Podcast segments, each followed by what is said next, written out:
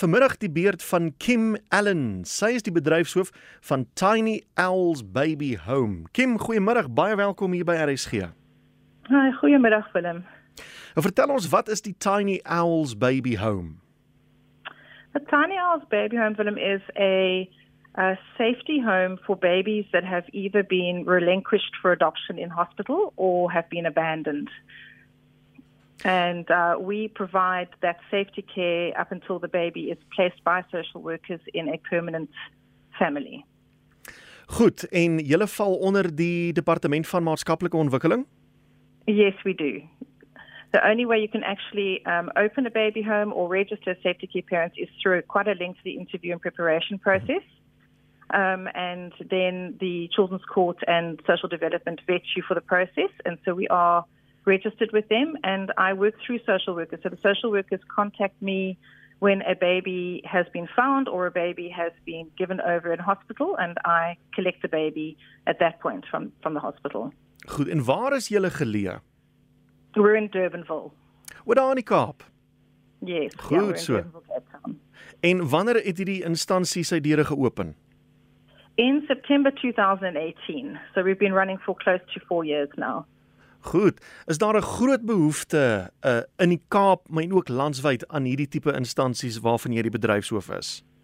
Yes, definitely. Um, I mean, we are able to take six babies at a time, and uh, we're basically never um, never empty because as one baby leaves, another arrives. So.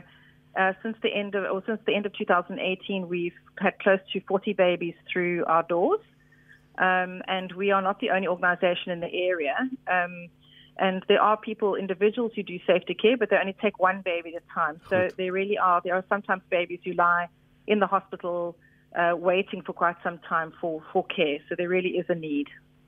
Wat is die maksimum ouderdom wat hierdie babas by julle mag bly? Uh, we take them up until just after a year. It all depends on how long it takes the social workers to find placement in a permanent home. Mm. Um, because we do not work with uh, the state who places in foster care. We only uh, we only work through private agents who place babies for adoption. So it can be anywhere from three and a half months to a year. Goed. En wanneer van hierdie babas by julle aankom, wat is hulle gesondheidstoestand?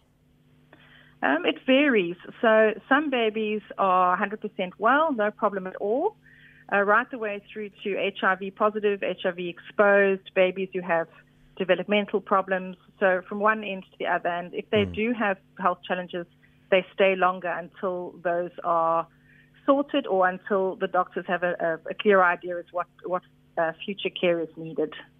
En hierdie babas wat by julle aankom wat gesondheidsuitdagings van die begin af het, vind julle dat dit moeiliker is dat daardie babas aangeneem word?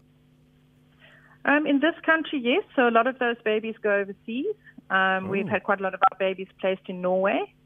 Um, because, of course, in Europe, uh, with some of the countries, their their medical is covered by the state, so they find it less challenging to to look after a baby who has higher need. Um, so they do eventually get placed. It just takes a little bit longer, usually closer to a year rather than three or four months. Is baie interessant. Ek het nie geweet dat mense van oorsee in Suid-Afrika babas mag aanneem nie. Wat is die die papierwerk, die birokrasie rondom so iets? Dis seker enorm baie vorms en dinge wat ingevul moet word. Yes, and they get vetted by their own government first. Um, but South Africa and various agencies have have got relationship with specific agencies overseas. So we work through ABBA Adoptions in Cape Town. They also have a Johannesburg office, and ABBA has a license with various uh, various countries overseas, and then they develop relationship with them and work from there. So the Norwegians do wait a long time before they are able to eventually come through to South Africa and receive a baby. Nou daar by Tiny Els Baby Home wat jy net 'n maksimum van 6 babas op 'n keer mag versorg, hoeveel personeellede is daar dan? Wat is die verhouding van personeellede tot babas? Okay, we have 11 staff in total. So it works like a ba- like a nursery would in a hospital. We have shifts. Um, so they're usually two to three ladies on shift at a time, and uh, they have different shifts. So we have full time day staff and night staff, and then weekend staff are, are separate. So it takes it takes a whole team to look after um, after the babies. Yeah. So wanneer mens so 'n instansie open en die departement van maatskaplike ontwikkeling besoek na die fasiliteite, so sekere faktore bepaal hoeveel babas jy mag kry seker die die die grootte van die fasiliteit, die hoeveelheid personeellede en so aan is is dit hoe min of meer hoe dit uitwerk. Um, how it works is that there are only two categories. There's a, a safety care category, which is up to six babies. Um, so even an independent family who doesn't have a facility may take babies up to 6 mm-hmm. of them. After six, baby becomes a youth center, and then Goed. it has a, a whole different set of requirements legally. Okay, ek sien. Wat is die uitdagings wat julle op 'n daaglikse basis mee te kampe het? Die moeilike dinge wat julle mee sukkel dag tot dag wat julle hulp mee nodig het soms?